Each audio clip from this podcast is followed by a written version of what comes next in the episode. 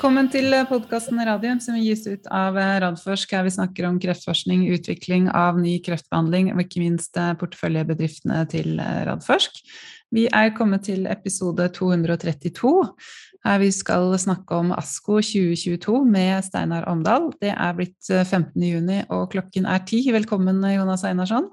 Takk skal du ha, Elisabeth. Dette blir spennende. Jeg fikk ikke anledning til å være med på Aspo selv i dag, så jeg har bare snakket så vidt med et par som har vært der. Det er ikke de kjempestore nyhetene, men det er veldig spennende å høre på Steinar. Mm, det gleder vi oss til. Velkommen til deg, Steinar Omdal. Professor emeritus onkolog, immunterapispesialist og medisinsk rådgiver i Ultimovax. Mange takk. Kunne sikkert eh, lagt til ganske mye mer på den presentasjonslisten òg, men eh, det, det, får holde, si. Jeg syns det holder, ja. ja. Så bra. Men du, vi gleder oss, eh, som Jonas sa, til å snakke mye mer om ASKO. Vi skal bare ta noen små nyheter fra selskapene først.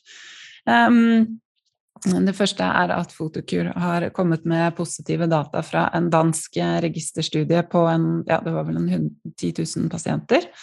Eh, som nok en gang viser det at eh, med å bruke blålysteknologien til Photocure, så eh, har pasientene det bedre, det er mindre tilbakefall, og de lever lenger, hvis jeg husker det riktig. Det er jo flott å se nok en gang en bekreftelse på dette, Einarsson.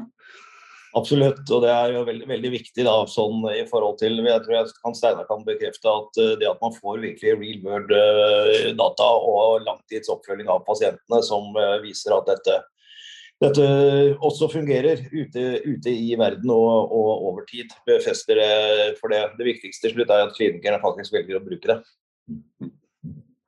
Absolutt. Eh, ja. Og så er det et par små nyheter fra Nikon, eller de er vel ikke sånn små små, men eh, de har i hvert fall søkt om opptak og fått opptak på hovedlisten til Oslo Børs, og da kommer de vel derfra og kan handles derfra fra høsten av, så vidt jeg skjønner?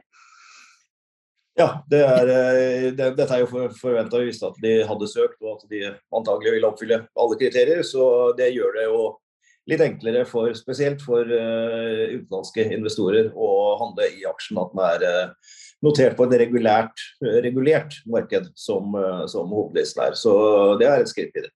Mm. Og så har de gjort nok en ansettelse. De har ansatt Klaus Edvardsen som chief Development eh, Officer. Eh, jeg var inne kjapt og bare kikket på CV-en hans. Han hadde jo en vanvittig imponerende CV med Jobbet eh, sånn toppledelsen av flere farmasibedrifter altså på de globale hovedkornene innenfor onkologi. Så veldig spennende ansettelse. Ja, det vil jeg absolutt. De som er, er virkelig interessert i det, burde gå inn og se på den CV-en. Uh, fordi at det at han eh, bytter beite nå, ikke bare fra det ene selskapet til det andre, men også fra MRNA til DNA, er ganske, ganske, spennende. Så mm. hva man skal legge i det, vet jeg ikke, men, men det er faktisk sånn. Mm.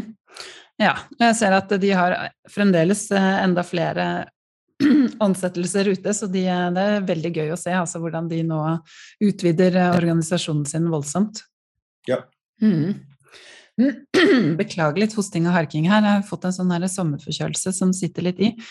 Men eh, da må, skal vi prate mer med deg, Steinar, og, og høre mer med Asko. Um, jeg sjekka litt i arkrivet, og du var med oss sist i, for ca. et år siden, eh, episode 178, sammen med Carlos de Sosa som leder Ultimavax. Da snakket vi om eh, dataene på UV1 som ble presentert på ASKO i fjor, og da husker jeg du sa at du var veldig skuffet over at dere ikke kunne reise over til Chicago, men at du måtte være hjemme og følge konferansen eh, hjemmefra. Men eh, i år så har du vært på, på, i Chicago igjen, på ASKO. hvordan var det? Det var jo kjempebra. Altså, det var jo folk der som var nesten euforiske for at de kan endelig, endelig møtes. Eh, og det er en stor forskjell på å være på eh, digitalt og være til stede. Så det er et veldig verdifullt eh, møte. Det er da verdens største kreftmøte med kreftleger og forskere og andre som deltar. Det var 35 000 da, deltakere i år til stede, og så det, er det 10 000 som var digitalt. Så totalt sett så er det nesten, nesten like mange deltakere som det pleier å være. Mm. Det er vel en av de viktigste møtene vi har, det og ESMO, som er den europeiske versjonen av det. som er litt mindre, for å presentere nyheter og ting som er, er i kjømda. Og for onkologer, og sånn som jeg representerer klinikere, så er det veldig viktig, fordi vi får høre de siste nyhetene. og Det er viktig, og vi er også med på diskusjonene etterpå. Og Det får man ofte ikke i en artikkelpresentasjon, som noen en gang sa at ja, du kan jo lese om det senere, men sånn er det altså ikke. Mm. Og Det gir også muligheten for å lage nettverk.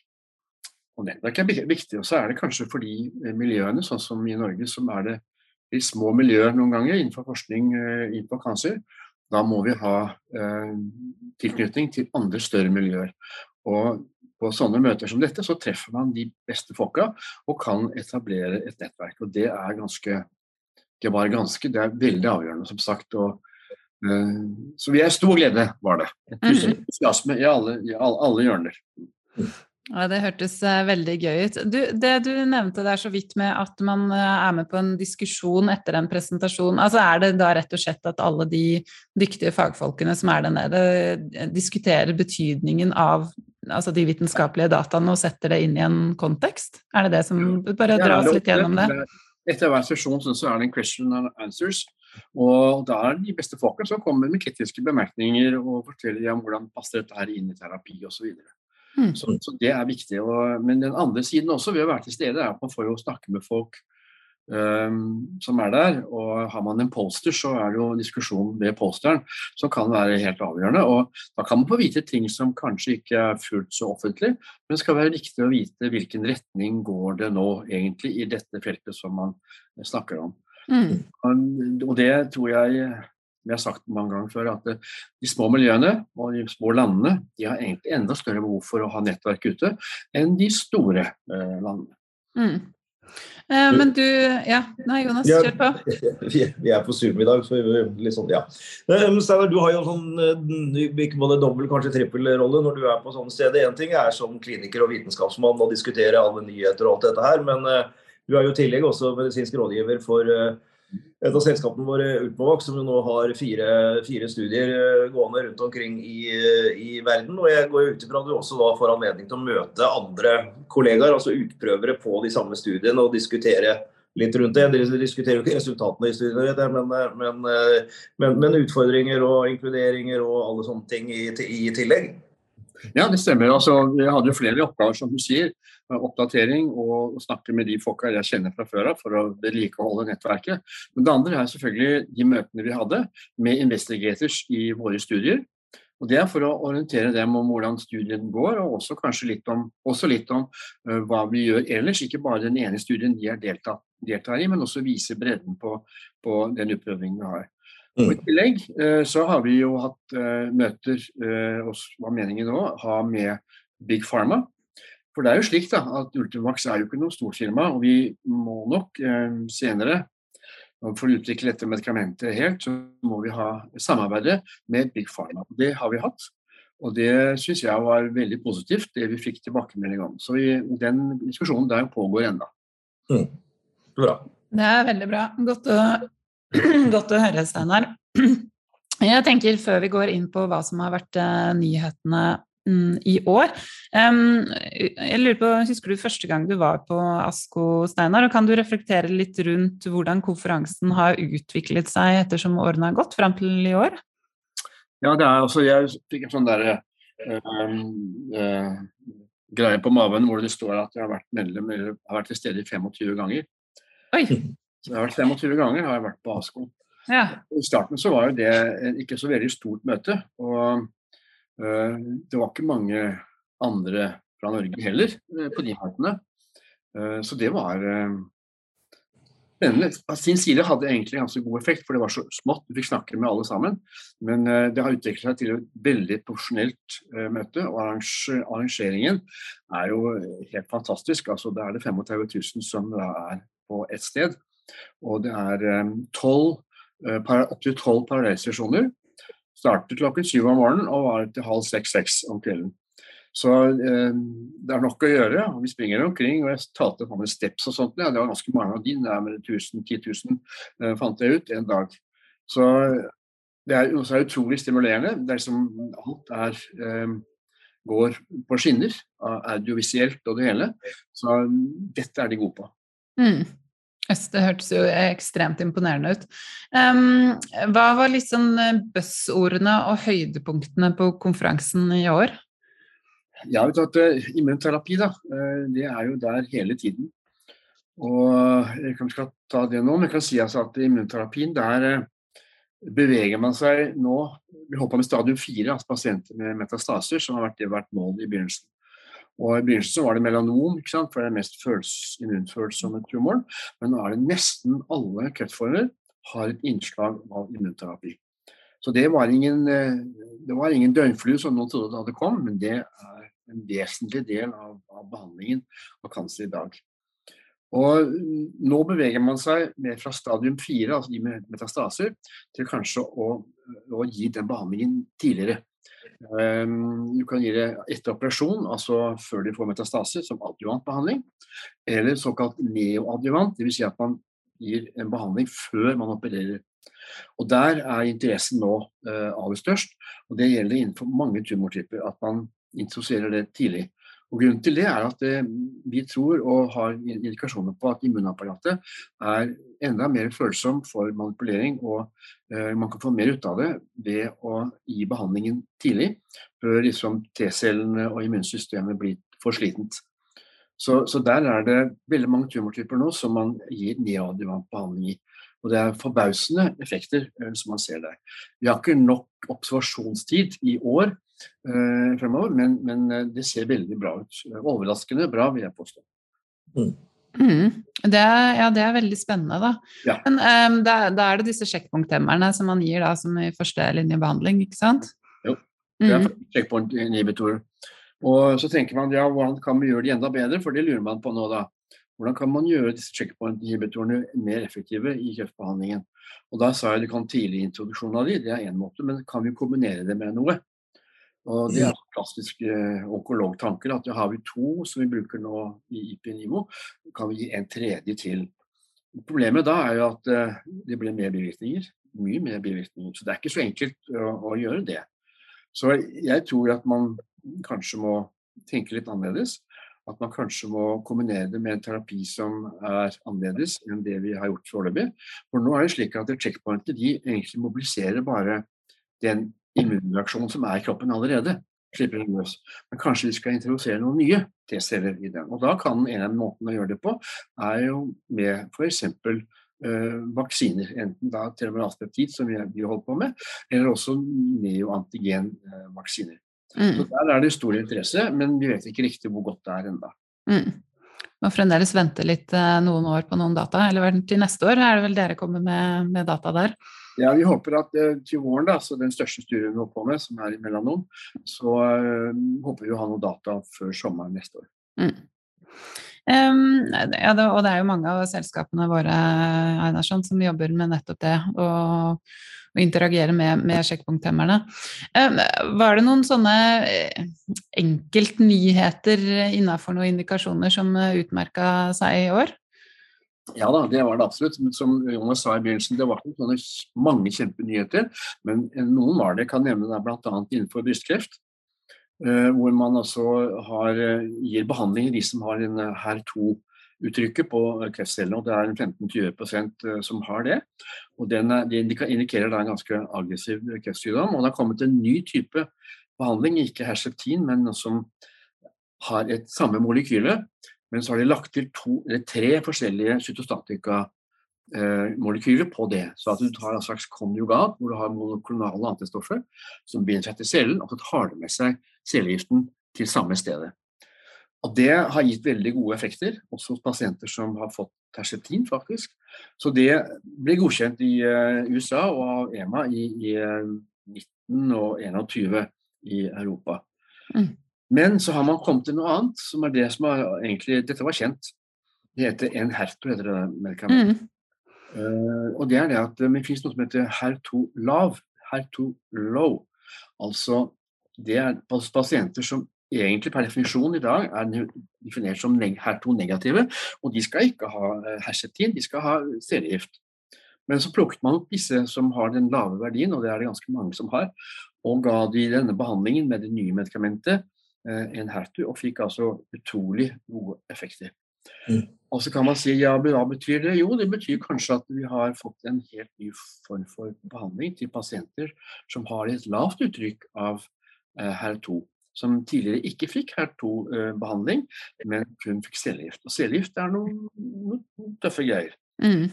Så det åpner muligheter her for eh, eh, veldig mye bedre behandling av brystkreft, og i stor gruppe, for jeg tror bortimot 50% av pasientene med brystkreft har en tumor som har, går inn under HER2 low.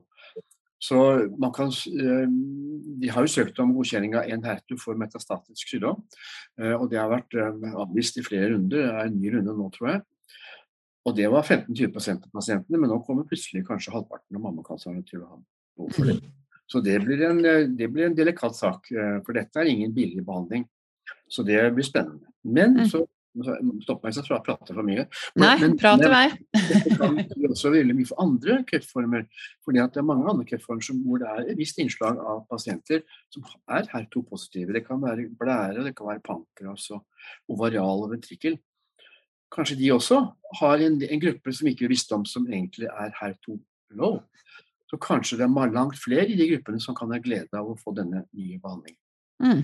Så det blir Steinar, tror du at dette da kan bevege seg mot en sånn andre sånn, hva skal vi kalle det, biologisk indikasjon, sånn som vi har på Keytruda og, og Frameshift Remsai High?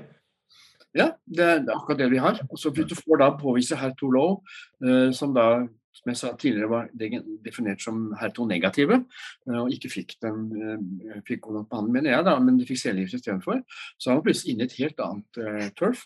Og som sagt, ikke bare for brystkreft, men kanskje også for en rekke andre tumorformer hvor det finnes pasienter som uh, har uttrykket HER2. Mm. Og det er endring av standard of care var konklusjonen. Mm. Den presentasjonen fikk uh, standing ovation altså på um, møtet. Folk sto opp og klappet. Mm.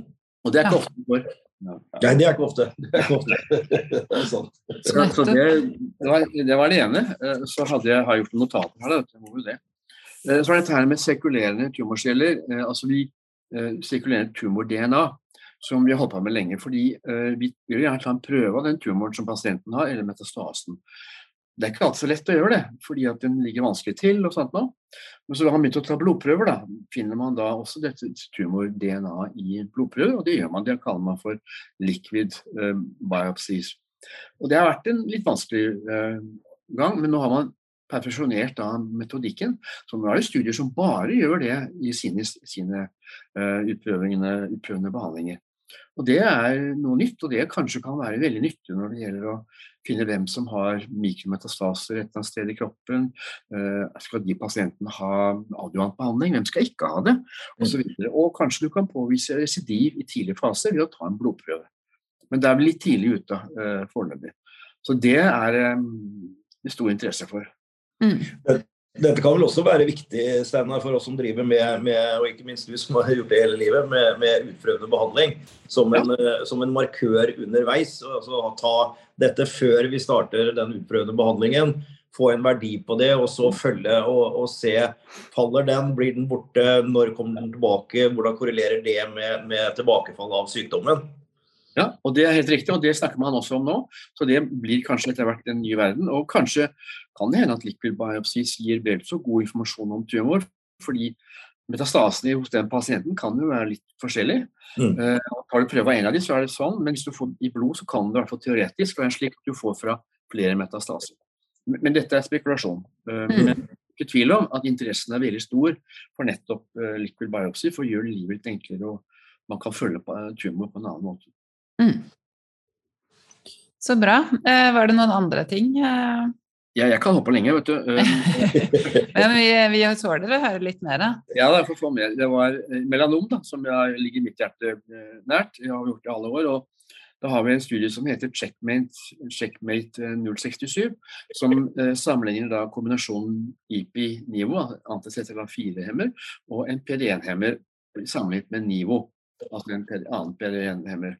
Og, og den eh, kurven der har vi så vi i fjor, da var det 6,5 år. Nå fikk vi 7,5 år. Og da er det ganske tydelig, og det var ikke sagt kanskje tydelig nok, men når du har syv og et halvt år og kanskje seks år siden pasienten fikk behandling, så tror jeg og mange av meg at dette er helbredelse. Kan vi snakke om, ikke sant? Og det, Mm. det vet jeg sjefen på NCI sa for et par år siden, at vi må tillate oss å si at vi kan nå helbrede pasienter med metastatisk malignt melanom. Mm. Så dette er, er veldig spennende. Så mm, det er den beste kombinasjonen som finnes på markedet, PT, men den er toksisk. Og, og det er det som er handikappet med den, fordi en del pasienter tåler ikke den behandlingen. Eh, Så det må du velge ut hvem som er egnet til å få den kombinasjonen, eller få bare PD1-hemmer alene. Og Da kom det da resultater fra en studie med Antilag3, som er en ny checkpoint-inhibitor, sammen med eh, PD1-hemmeren Nivo. Og Den er tydeligvis tydelig bedre enn det du kan få til med Nivo alene. og da har diskusjonen vært at eh, ja, veldig god progresjonsfri overlevelse. Blir det en alternativ til IP-Nivo f.eks., har noen hevdet. Men det gjør det nok ikke. Overall survival er foreløpig ikke signifikant eh, bedre. Okay. Eh, Så det mm, tror vi ikke endrer så veldig mye på bildet, men kanskje man ikke lenger gir en PD1-hemmer alene, men kanskje med eh, lag 3-inhibitor og, og PD1. Mm. Så, Ja. det- andre ting også er at det er jo ikke nok eh, observasjonstid. Da. Vi har jo syv og et halvt år med kombinasjonen IP-nivå. Det kan jo ikke denne til studien matche. Så vet vi heller ikke hvordan det virker på hjernemetastaser. For IP-nivå er standardbehandling for pasienter med metastaser fra malignt melanom. Mm. Og så, eh, jo, så var det noe, også en liten studie, rektalkancer, som jo er en ganske trist eh, sykdom. Hvor behandlingen er komplisert. Du skal, altså, det er operasjon, og det er strålebehandling, og det er kjematerapi og ganske plagsomt. Og pasientene får en god del plager etter det. Så det har vært eh, ikke noe greit. Man selv tenker seg hvordan det er eh, i det området. Så kom det nå en studie eh, hvor man eh, hos pasienter som har MSD, altså som har en defekt DNA-reparasjonsevne, og de eh, svulstene som finnes innenfor mange tubertyper, så har de da etter hvert, for de ikke klarer å reparere DNA-skadene, masse mutasjoner. Og de med mange mutasjoner, de er også mye mer følsomme for immunterapi. Og her fikk pasientene da, det var ikke mange, de fikk eh, en PD1-hemmer. Og så kom resultatet nå, som er publisert også i New England Journal of Medicine samme dag som presentasjonen var på møtet, hvor det var 100% komplett respons. Mm. Og det har jeg aldri hørt om. Eh, 100% respons i en studie. Komplett, faktisk. Og observasjonstiden er ett år, riktignok. Eh, og, og de hadde ikke behov for noe mer behandling eh, foreløpig. Så det kan jo si at det er altfor få pasienter, tolv sty stykker, men dette var en sensasjon, da. Eh, Mm. så, så det håper jeg at den, at den eh, effekten der eh, varer eh, lenge. Mm. Men, men for jeg, det, akkurat den nyheten der har jeg også lagt merke til. Jeg tror det var Anne Hansen Ree på, på Ahus som var intervjuet uh, om den, og hun også sa jo det samme som meg. Altså, eh, det er helt utrolig at man ser 100 eh, effekt selv om det er få pasienter. Men eh, sa de noe om hvordan de skulle følge opp disse resultatene? Fordi jeg tenker her er det jo kjempeviktig å finne ut at ikke det var noen tilfeldigheter at det var så bra på nettopp disse, men eh, om man kan på en måte lese noe mer ut av eh, data på flere pasienter? Det kan man helt sikkert, og det må man jo gjøre, selvfølgelig. Dette er mer en sånn indikasjon på, kanskje en hypotesebygger, i, i mine øyne. Mm. Men jeg har satt, eh, aldri sett noe, noe lignende eh, i den tiden jeg holdt på med, i hvert fall. Mm. Eh, og så var det noen om eh, kombinasjoner da, med ulike former for immunterapi, som jeg sa litt om i begynnelsen. Man kan gi det sammen med sånn målrettet targeted therapies. Var enig, og Det er ikke helt enkelt det heller, for de øker jo bivirkningsprofilen og sånn til den, de behandlingene. Og så snakk om kan man sekvensere behandlingene. og Det er noe av det samme vi snakket om. Er det mulig å gjøre immunterapien bedre enn det vi har uh, hatt inntil nå? Uh, fordi vi gjør noe av det samme. Vi tar bort bremsen hovedsakelig. Og da får vi frem den uh, immunresponsen som egentlig kroppen har laget allerede. Men kanskje må vi gjøre noe annet for å få til en bedre effekt. Og det tror jeg mange tenker i, de, i den retninga akkurat nå. Mm. Steinar, var det litt sånn teknisk spørsmål, men i de, de kombinasjonsstudiene med CLA4 og PDN-hemmeren nå, bruker man nå generelt den lave dosen av CLA4, eller er det det, det opprinnelige doseringen som kjøres enda? Ja, Det der er litt sånn delikat. fordi at det, det er jo ikke vi, Du kan nemlig endre på dosen, lave dosen med IPI, øh, øh, og, og, få da mindre bivirkninger. I hvert fall litt mindre bivirkninger. Og spørsmålet virker like bra, og det ser sånn ut. Men det er ikke gjort noen skikkelig store studier som viser det. Men det er flere og flere nå som går over til å uh, gi den såkalte flip dose. Um, I hvert fall i USA så er det det. Mm. I Norge har vi holdt oss mest til den etablerte label-indikasjonen, eller doseringen. Uh, men det er klart det diskuteres lenge, og det er snakk om nå kan man klare seg med to injeksjoner med IPI istedenfor fire. Mm. Fordi at Bivirkningene kommer nemlig etter sånn i forbindelse med tredje kur. og da, De meste bivirkningene kommer da. og Da kanskje man kunne redusere den bivirkningsprofilen, eller gjøre den mindre, hvis man gir mindre og kanskje får like god effekt for valg av fire injeksjoner. Jeg er jo sånn, Hvordan vet man det?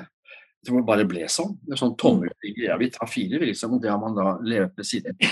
Så Det er noe av det samme som vi snakket om. altså Det er toksisk, og kan man gjøre det mindre toksisk, er det fantastisk. Og det er også ting på gang, har jeg hørt, det er mer rykter om noe annet, at man gjør endringer nå i anticetelin-4-molekyler. Eh, forandringer slik at eh, det kan håpentligvis gi like god effekt, men mindre toks. Okay. Det er gode, gode nyheter. Um, hvis, eh, hvis, du skal kikke litt inn i krystallkula, Steinar, basert på din uh, lange erfaring, hva, hva, du hva slags eh, trender innenfor forskning og behandling vil du si vil, vi vil se de neste si, ti årene, da? Ja, krystallkuler kan jo bli litt ja, tåkete av og til, jeg må si det. de er litt skumle? Ja, de er skumle.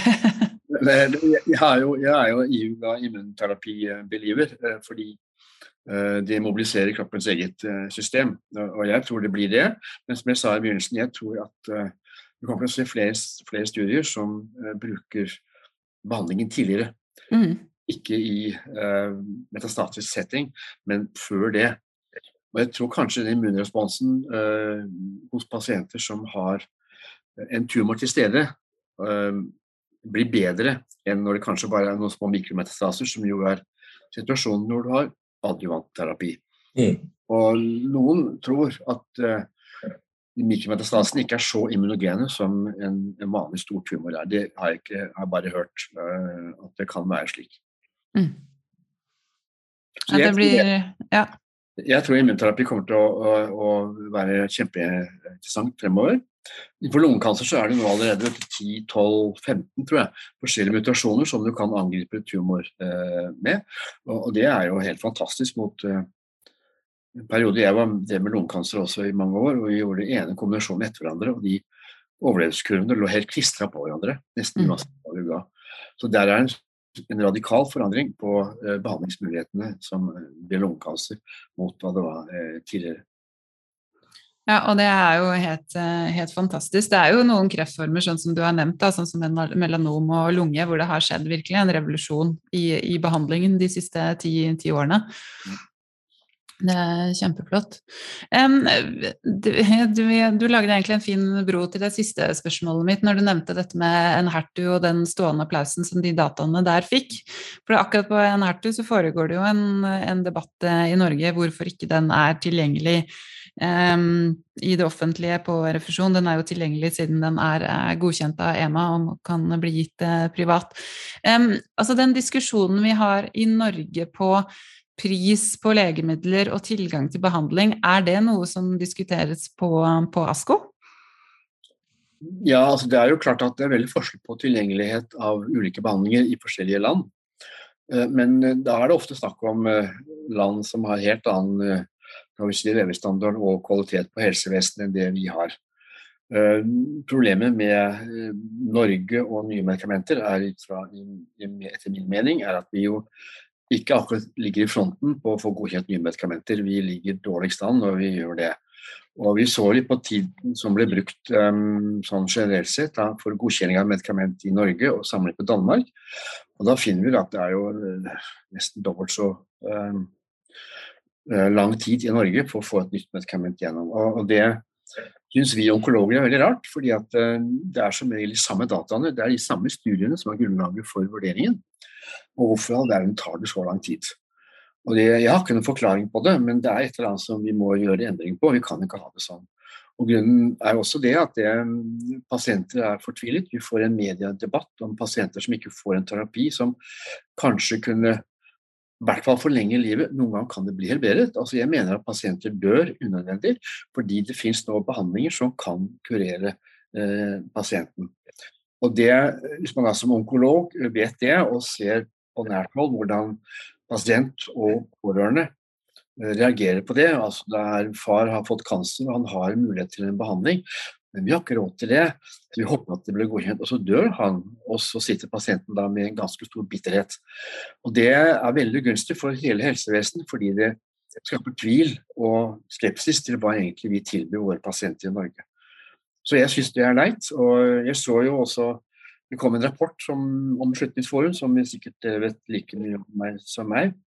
Men hvor noe av problemene var at eh, det er ikke tillit, i hvert fall ikke blant de fagmiljøene, til de vurderingene som gjøres. Og Det ender ofte opp med en diskusjon om pris. Og det er ikke noe særlig kult, syns jeg. Altså, eh, hvis man ser konsekvensene av et års behandling, og mange pasienter som ikke får en terapi som kunne vært helbredende, i hvert fall livsforlengende, så, så, er det nesten tragisk og nesten uetisk i, i, i, mine øyne.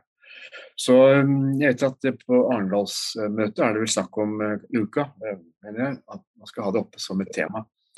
Og, og det man lurer på om man kan, om det hjelper ikke, det vet jeg ikke, men involvere både pasienter og leger på et helt tidlig tidspunkt. Danskene har et annet system hvor de etablerer grupper for melanom, lungekancer, kolonkancer, med de legene som er de, kanskje de beste det felt, i det feltet.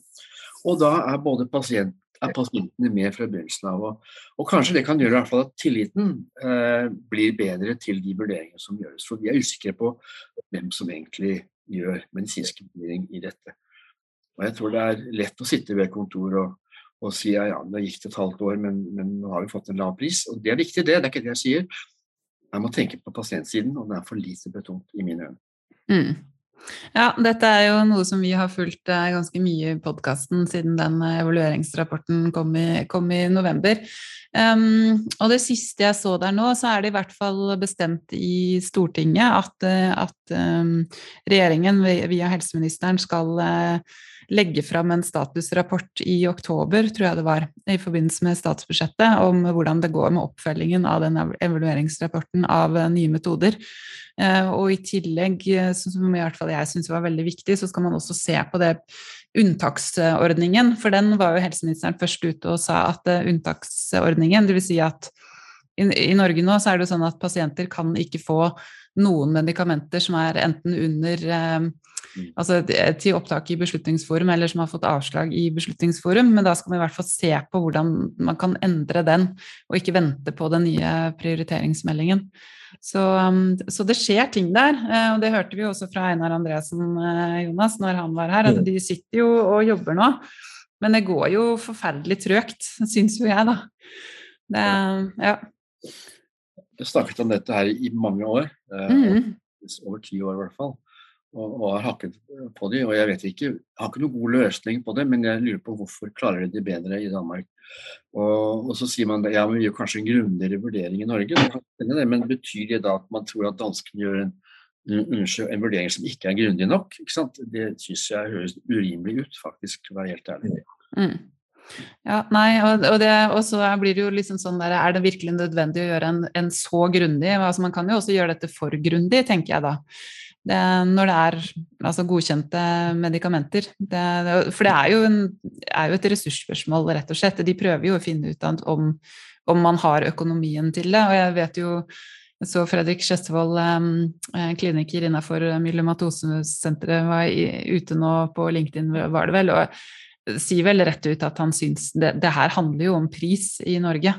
Eh, han har jo et felt hvor det er veldig lite medikamenter som han ønsker å bruke, som blir godkjent i Norge. Så det, og mener vel også at han kan se det litt på overlevelseskurver og sånt nå, men det får vi snakke med han om mer direkte en gang, uten å bare referere til det.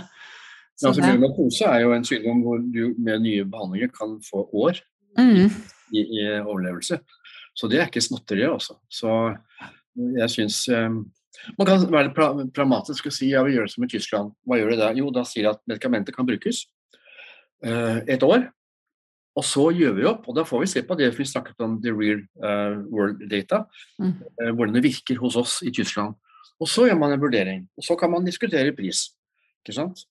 Uh, og, da har man sett uh, Man får mye informasjon, mye mer enn man kanskje får med de studiene vi har gjort uh, i, utprøvende behandling, for det er jo en seleksjon av pasienter i de. Det vet vi jo at det er, det er ikke alltid at de virker like bra når det kommer ut i storbruk. Så, og det er også mulig, men det er en sånn pragmatisk holdning til det.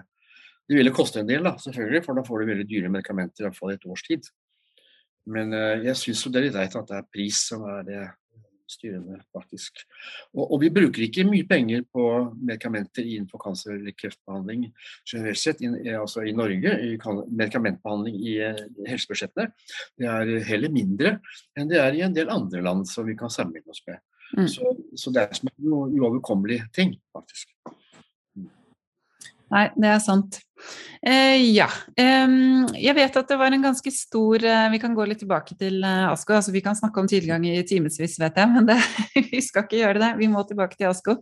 Eh, jeg bare fulgte litt med på Dagens Medisin, som som vanlig har vært eh, på ASKO og dekket det godt med både artikler og, og videointervjuer. Så det var en stor norsk delegasjon som var der nede. både representanter fra ulike selskaper. Jeg vet at Targovax var der nede med en poster. Eh, og flere ledende kreftleger. Åslavik Helland var der nede og presenterte Impress. Eh, Stikkert prøvde å få med seg flere legemiddelbedrifter for å mm, gi medikamenter inn i den eh, studien. Helt sånn avslutningsvis, Steinar, hva tenker du, hvor viktig er det for Du var så vidt innom det i starten. Hvor viktig er det at at det er en norsk delegasjon på ASKO. Hva får vi igjen for det, hvis vi tenker på norske pasienter og også på en måte utvikling av helsenæring? Ja, Det er ikke tvil om at det er, er viktig. og eh, Vi må være der hvor tingene skjer, og vi må lage relasjoner. Eh, og få kontakt med de eh, som utvikler medikamentene. For det er jo ikke alt som skjer i Norge akkurat. Men vi må være der. Det er ingen særlig tvil om det. Og jeg tror at Eh, sykehusene eh, bør sende ut sine folk. Og det er veldig bra. De som har en polster, skal være der. Det er helt naturlig. Men det er utrolig motiverende eh, for junior-onkologer også å få være med og se hvor, hvilken bredde og hvilken tyngde det er i kreftforskningen. Og du tar med deg da inntrykk derfra som er veldig motiverende. I hvert fall har det vært for meg. Jeg fikk jo nesten tenning, eller noen ganger helt overtenning, eh, etter å ha vært på et sånt møte. Eh, som, som stimulerer deg og syns du gjør at den jobben kanskje du som kan være ganske tøff noen ganger hvis du er kreftlege. Noen syns ikke det er så kult, eh, kanskje, for det er mye triste skjebner. Men da å føle at du er med i en større sammenheng, og at det skjer enormt mye innenfor feltet det er en viktig motivasjonsfaktor, syns jeg. Ja, det vil jeg tro. Absolutt. Men du, eh, tusen takk. Det var veldig hyggelig å få et sånt eh, si, øyeblikksbilde fra, fra ASKO. Det er, må si, det er en konferanse som jeg har utrolig lyst til å reise på selv. så prøve å få til det en eller annen gang. Jonas, du også har jo vært der nede flere ganger, så det, du kan jo skrive under på at det er en opplevelse. Ja, Jeg har faktisk vært der jeg vet ikke, kanskje, kanskje ti ganger. Eh, mm. Så eh, det er, det er, utrolig inspirerende, selv om jeg ikke er noen, noen vitenskapsmann. Så, men å få lov til å være litt flue på veggen og, og, følge med og se hva som skjer med utviklingen. og Immunterapi hadde jo slettes ikke denne plassen når jeg var der første gangen heller, heller. Og, se utviklingen av det. og jeg, jeg, sitter jo nå og angrer som ei bikkje på at jeg ikke dro i år. da, så Når jeg hører Steinars opplevelser og har snakket med Jens Bjørheim CMO i Utenvåg senest i, i, går. og de, de, var virkelig motivert og, og fått ny inspirasjon. Så, så, ja, nei, det er kjempeviktig at vi, vi, er til stede der. og Jeg vil bare understreke det, det Steinar sier. at eh, jeg håper også institusjonene våre prioriterer å sende flere til ASKO. og Ideen der Steinar, med å kanskje få noen utvalgte junioronkologer som virkelig er motivert, og kanskje hjelpe dem til å få, få en sånn tur. Det er kanskje noe jeg skal ta med meg inn tilbake til Radforsk. Det høres veldig bra ut. Det høres veldig bra ut, eh, Einarsson. Eh, du og jeg skal ta en uh, bitte liten pause nå, så vi, snart, vi, skal snart ha opptak med en podkast til med, med Targovax. Og så har jeg fått jeg vet ikke hvor mange spørsmål om vi skal ha med oss Nordic Nanovektor neste uke. Det var jo opprinnelig planlagt, men pga. den evalueringen av paradigmet, og at de da ikke kan gå ut med noe informasjon, så har vi, har vi utsatt den. Um, så jeg eh, jobber med, med Erik Skullerud, CEO der, for å finne en ny dato for, uh, for den podkasten etter at de har hatt sin kvartalspresentasjon, hvor de da har lovet å komme med, med, mer informasjon. Og den er jo da 20. juli, så da blir det jo ikke noe podkast eh, med de før det. Um, så vi skal ha en podkast neste uke, Einarsson, men vi skal ta en liten fot i bakken på hva vi skal ha der. Så kommer vi tilbake til det.